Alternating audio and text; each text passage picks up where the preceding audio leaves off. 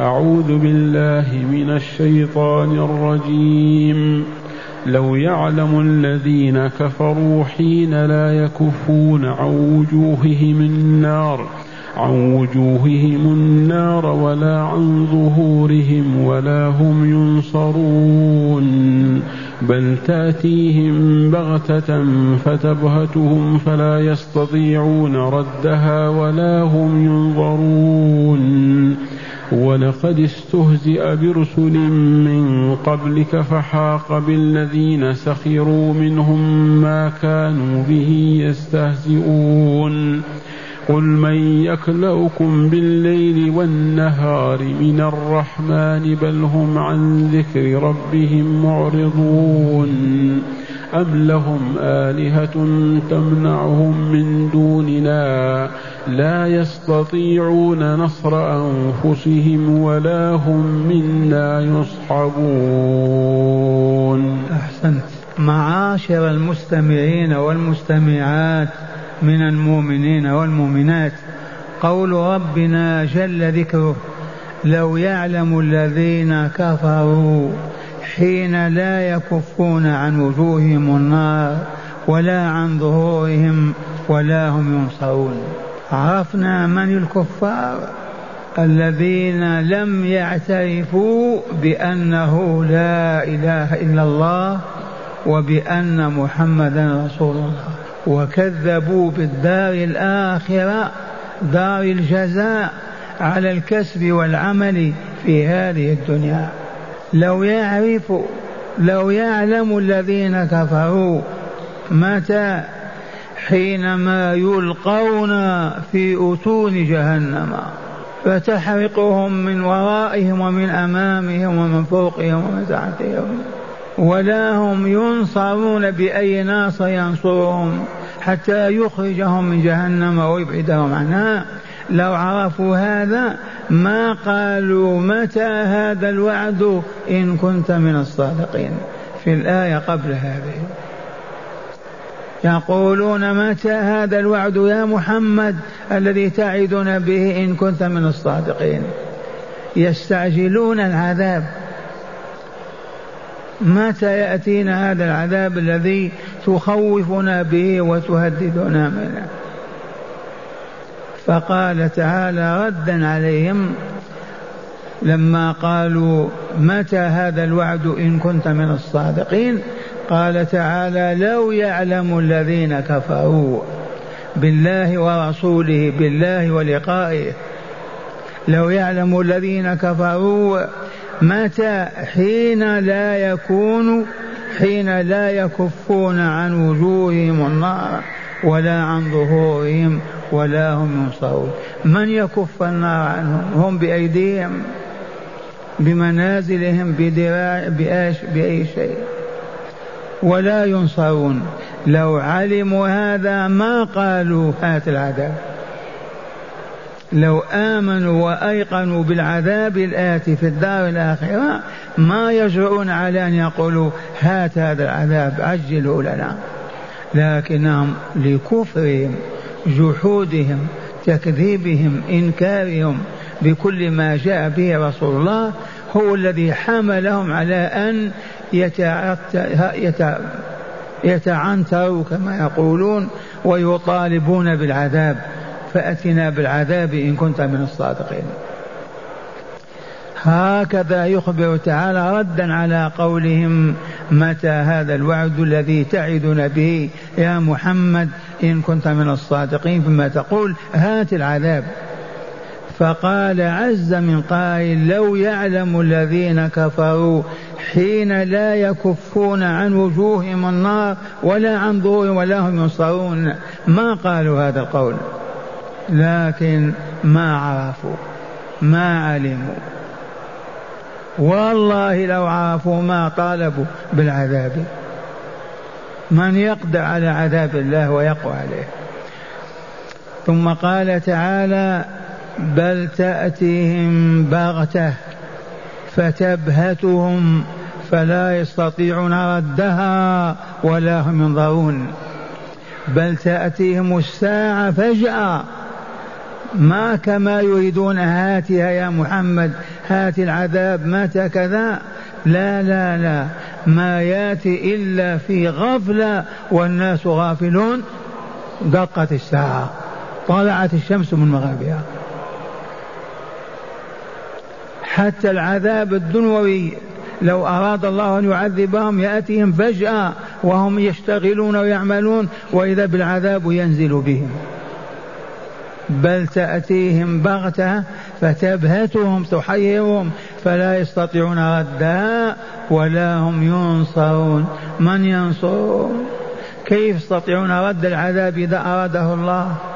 ما هي اليد التي ترده؟ عذاب الدنيا والآخرة. ومن أراد الله خذلانه وانكساره من ينصره؟ بعد أن هزمه الله وأذله. فاللهم لا أحد ولا هم ينصرون. ثم قال تعالى ولقد استهزئ برسل من قبلك.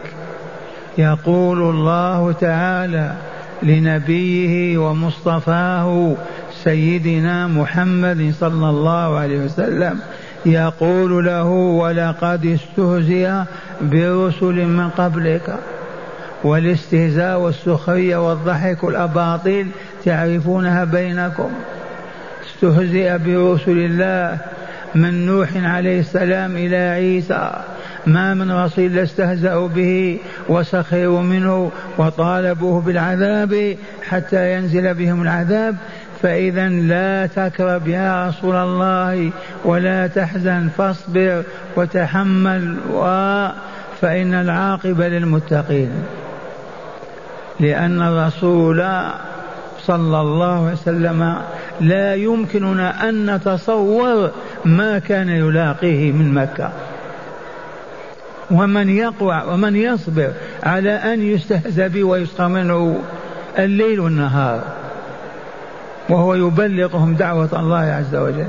لكن الله تعالى يصبره يحمله على الصبر يذكره بمن مضى وسبق من الرسل وكيف أوذوا في سبيل الله وكيف صبروا وكيف انتصروا وكانت العاقبة الحسنى لهم. يخبر تعالى فيقول ولقد استهزئ والاستهزاء والسخرية والضحك معروفة. كان يصلي حول البيت فجاء عقبة بن معيط بسلا بعير ووضع على صدره ومشركو مكة حوله يضحكون ويتمرغون في الأرض. أي استهزاء أكثر من هذا؟ ونحن ما استهزئ بنا ولا سخر منا وما بلغنا دعوة الله وما بيناها للناس ولا دعوناهم إليها. أليس كذلك؟ من منكم دعا واستهزئ به وسخر منه؟ نقول له اصبر ما في. سكتنا فقط. ولقد استهزئ برسل من قبلك وقد بينا أن الرسل كانوا ثلاثمائة وأربعة عشر رسولا. أولهم نوح وخاتمهم محمد صلى الله عليه وسلم. وعلمنا أن كل رسول نبي. واحلف بالله أن كل نبي رسول نبي. وليس كل نبي رسول. ما ننسى هذا. كل رسول نبي.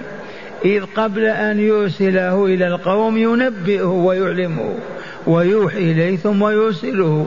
فالنبوة قبل الرسالة وإلا لا؟ النبوة قبل الرسالة. ولهذا عدد الرسل محدود ثلاثمائة وأربعة عشر. على عدة قوم طالوت على عدة أصحاب محمد صلى الله عليه وسلم في بدر. أما الأنبياء فأهل العلم يقولون إنهم مئة ألف وأربعة وعشرون ألفا. مئة وأربعة وعشرون ألفا. يرون هذا عن النبي صلى الله عليه وسلم.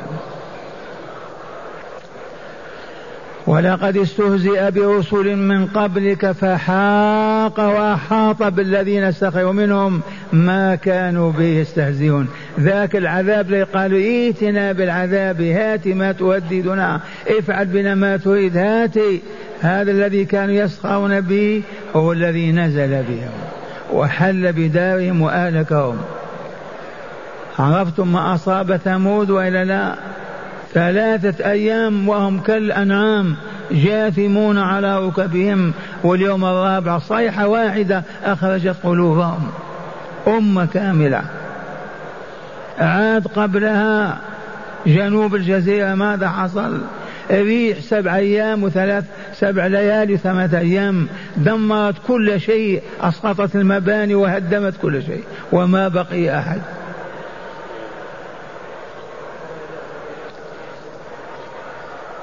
ولقد استهزئ برسل من قبلك فحاق حاق بهم حاط بهم العذاب ونزل بهم. العذاب الذي سخروا منهم فحاق بهم.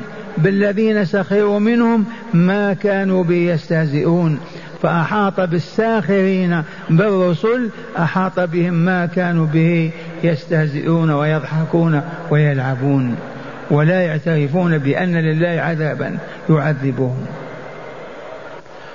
وهؤلاء كما تسمع في السياق كانوا يؤمنون بالله ويشركون به الأصنام والأوثان. ما كانوا بلاشفة لا يؤمنون بالله ولقائه. في قاعدة قرآنية تحلف عليها بالله. ما وجدت أمة على وجه الأرض تنكر وجود الله. لما كيف ينكر وجود الله؟ ولئن سألته من خلق السماوات؟ يقول أمي يقول جدي يقول قبيلتنا من خلق؟ إذا الله يقول الله. من خلق هذا الخلق الذي نعيش بينهم؟ من أوجدهم؟ ما فيه جواب إلا الله. إذا ولئن سألتهم من خلقهم ليقولن الله.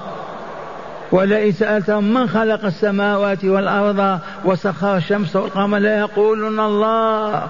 عجبا كيف يصرفون إذا عن توحيدي وعبادته فالذين كانوا مع نوح كما كانوا مع موسى وغيرهما كانوا يؤمنون بوجود الله. أما الشيوعية وخليفتها العلمانية والتي أقامتها اليهود من أجل إبعاد البشرية عن الله ومن أجل أن تسودهم الهمجية والضلال والفسق والفجور وأوجدت كلمة لا إله والحياة مادة.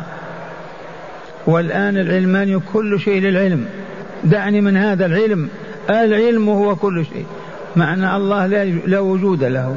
ليس هو الخالق ولا الرازق ولا المدبر ولا المعطي ولا المانع. العلم هو شيء عرفتم هذه الحقيقة أو أعيدها لكم؟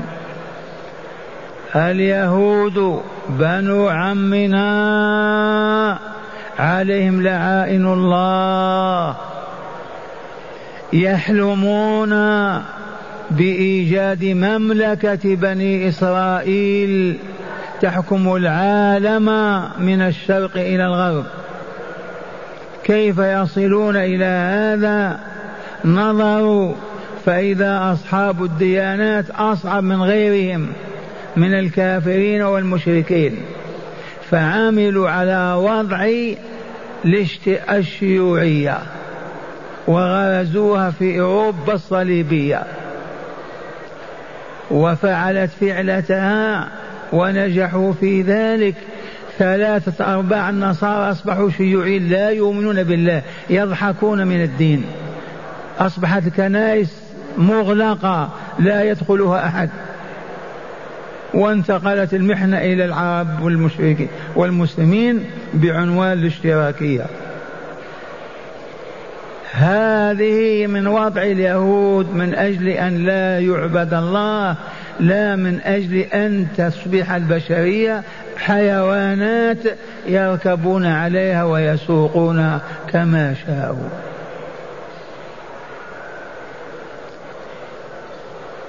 قال تعالى يخاطب رسوله صلى الله عليه وسلم ليصبر ويتحمل على ما يلاقي. ولقد استهزئ برسل من قبلك فجاء فحاق بالذين سخروا منهم. حاق بهم ماذا؟ ما كانوا به يستهزئون أي العذاب الذين يطالبون به ويسخرون.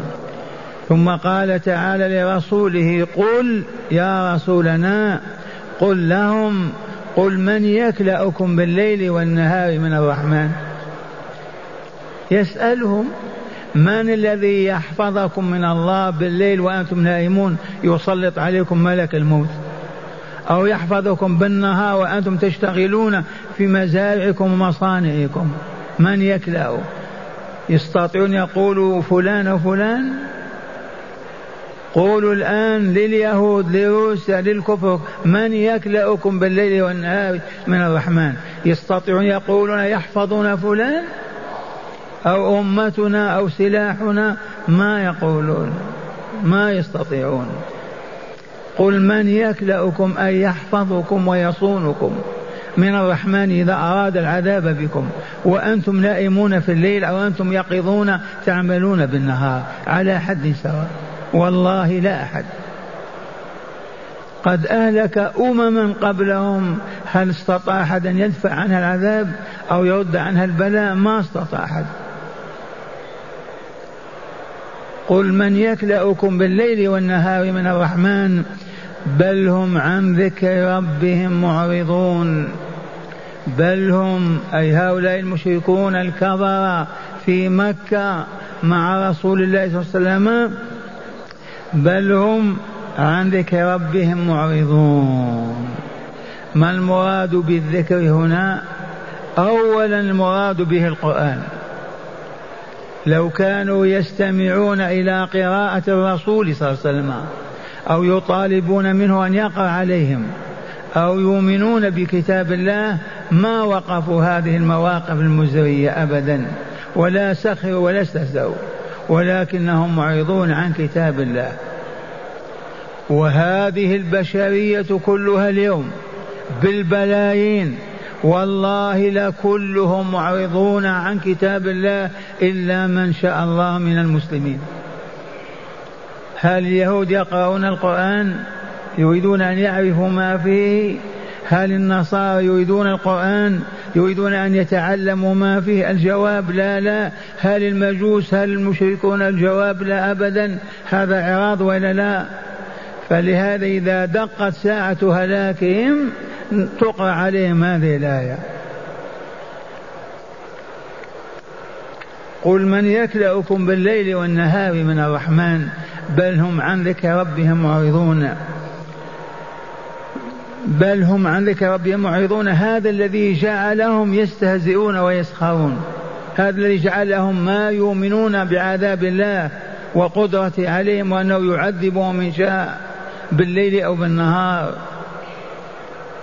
غفلتهم إعراضهم عدم ذكرهم هو الذي سبب هذا. والآية كما تتحمل الذكر بالقرآن والقرآن ذكر. الذكر الحكيم ما هو؟ القرآن. وقد علمنا أنه لا يمكن أن تقرأ آيات ولم تذكر الله. هات. ما إن تقول بسم الله الرحمن الرحيم طه ما أنزلناه إلا وخطر ببالك الله وذكرت أنه الذي نزل القرآن. فقراءة القرآن كلها ذكر لله عز وجل وتورث الذكر في النفس. كما أن ذكر الله ذكر عذابه ذكر وعده ذكر وعيده ذكر قدرته ذكر جلاله وكماله. هذا الذكر أيضا يخوف العبد ما يجرؤ على أن يكذب ويعصي ويتمرد. نعم الذكر بلا إله إلا الله بسبحان الله بالحمد لله بالله أكبر. هذا الذكر ماذا تقولون فيه؟ إنه حفاظ للعبد من أن يقع فيما حرم الله. ومن أراد أن يتأكد قل له قل لا إله إلا الله أو سبحان الله والحمد لله ثم انطق بالباطل أو افعل الشر. ما يستطيع. واقرأوا لذلك أو اسمعوا أقرأ عليكم. توجيه الله لرسوله صلى الله عليه وسلم وأمته. إذ قال له اتل ما أوحي إليك من الكتاب وأقم الصلاة. إن الصلاة تنهى عن الفحشاء والمنكر ولذكر الله أكبر. هذا توجيه الله لرسوله صلى الله عليه وسلم وأمته. يقول اتل ما أوحي إليك من الكتاب. إذ كان الكتاب ما تم كله اقرأ ما أوحي إليك منه. والمؤمنون يقرؤون. لماذا؟ لأن قراءة القرآن تقوي الإيمان. قراءة القرآن ماذا نقول فيها؟ تصبح تجعل العبد كأنه يشاهد الله ما يقوى على أن يعصيه أو يخرج عن طاعته. وأقم الصلاة إقام الصلاة على الوجه المطلوب. سببه أن النفس تزكو تطيب وتطهر ما يصبح فيها دخان أبدا ولا ظلمة ولا عفن ولا نتن. وبذلك ما يستطيع ذو النفس الزكية ذو الروح الطيب الطاهر والله ما يقدر على أن يقول كلمة سوء.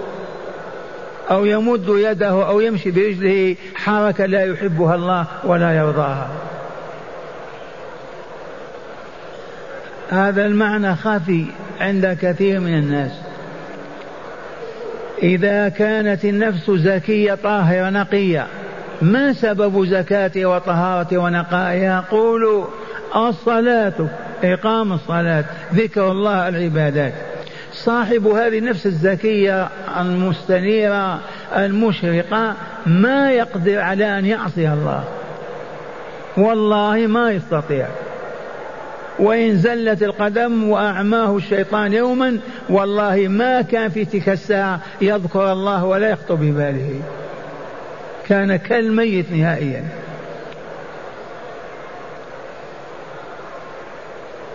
والدليل كما قلنا صاحب الجسم السليم عيناه تبصران أنفه يشم رائحة لسانه ينطق لكمال حياته وإلا لا وإذا أصيب بالعمى أو بالصمم أو بكذا تعطل ما يبصر ولا يسمع.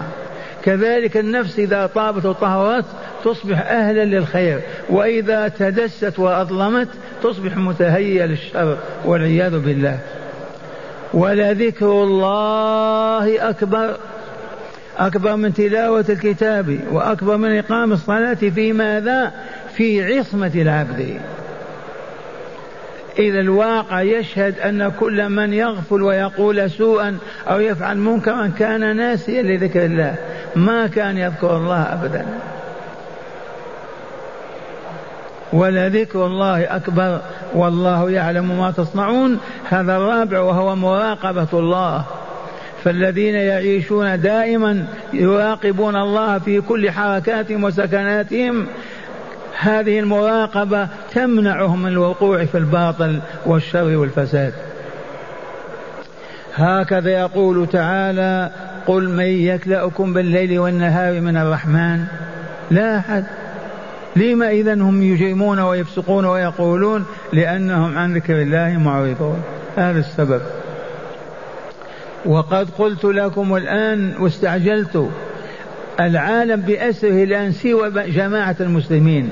هل يقرؤون القرآن؟ لماذا ما يجتمعون عليه؟ بلغهم والله أنه كتاب الله وأنه نزل من عند الله ويسمع هذا من هو في البادية أو من في, في المدن.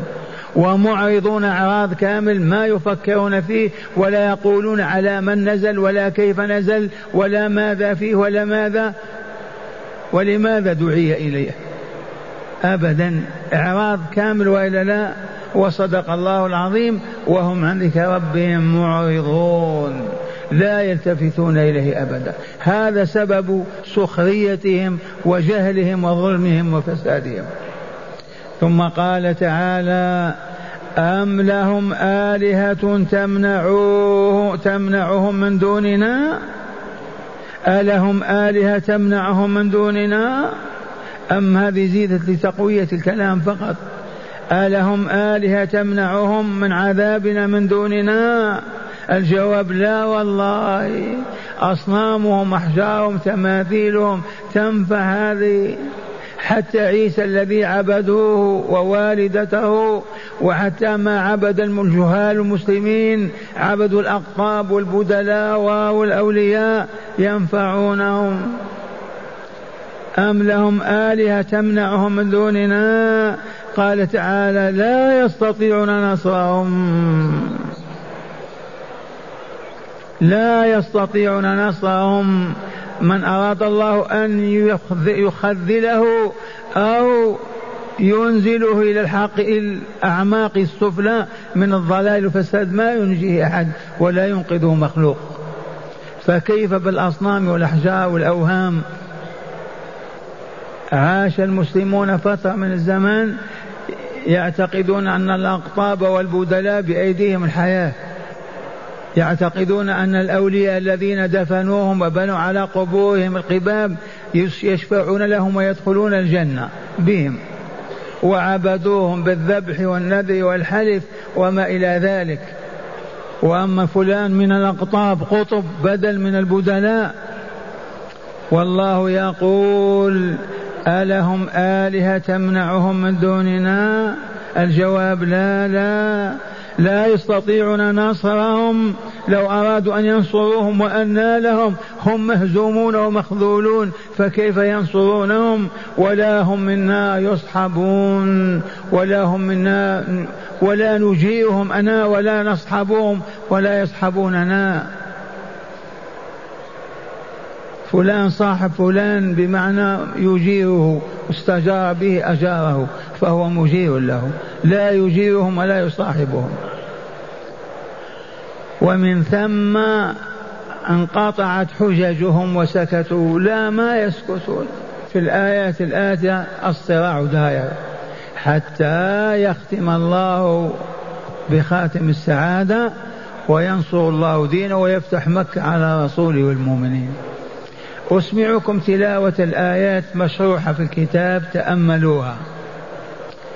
يقول تعالى لو يعلم الذين كفروا المستعجلون بالعذاب المطالبون به حين أي الوقت الذي يلقون فيه في جهنم والنار تأكل وجوههم وظهورهم ولا يستطيعون أن يمنعوا أنفسهم منها ولا هم ينصرون.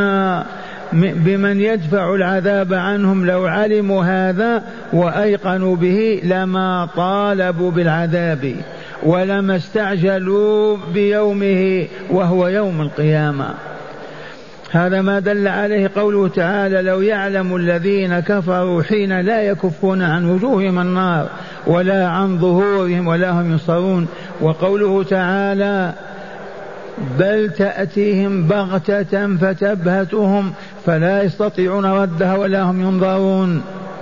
أي أي القيام أي أن القيامة لا تأتيهم على علم منهم بوقتها وساعتها. فيمكنهم بذلك التوبة. وإنما تأتيهم بغتة أي فجأة فتبهتهم أي فتحيرهم. فلا يستطيعون ردها ولا هم ينظرون أي يمهلون ولا ساعة ولا دقيقة ليتوبوا من الشرك والمعاصي فينجوا من عذاب النار.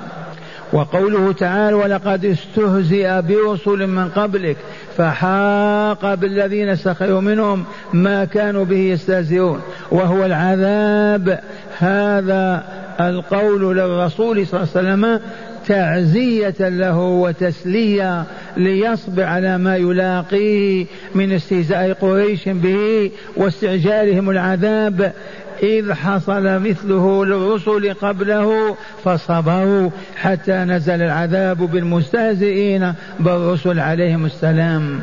وقوله تعالى قل من يكلأكم بالليل والنهار من الرحمن يأمر تعالى رسوله أن يقول للمطالبين بالعذاب المستعجلين له من يكلأكم بالليل والنهار؟ أي من يجيركم من الرحمن؟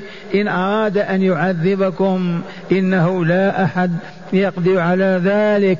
إذا فلم فلم فلم فلم لا لا تتوبون إليه بالإيمان والتوحيد والطاعة له ولرسوله. فلم لا تتوبون إليه بالإيمان والتوحيد والطاعة له ولرسوله صلى الله عليه وسلم. وقوله بل هم عن ذكر ربهم معرضون أي إن علة عدم استجابتهم للحق هي إعراضهم عن القرآن الكريم وتدبر آياته وتفهم معانيه. وهو الواقع. وقوله أم لهم آلهة تمنعهم من دوننا ينكر تعالى أن يكون للمشركين آلهة تمنعهم من عذاب الله حين متى نزل بهم. ويقرر تعالى أن آلهتهم لا تنفع لا لا تستطيع نصر نصرهم. ولا هم ينصرون أي ولا هم يصحبون أي وليس هناك من يجيرهم من عذاب الله من آلهتهم ولا من غيرها. فلا يقدر أحد على إجارتهم من عذاب الله حتى حل بهم والعياذ بالله. هداية الآيات. أولا تقرير أن الساعة لا تأتي إلا بغتة. دلت الآية على هذا وإلا لا؟ الساعة القيامة لا تأتي إلا بغتة فجأة فقط في العالم.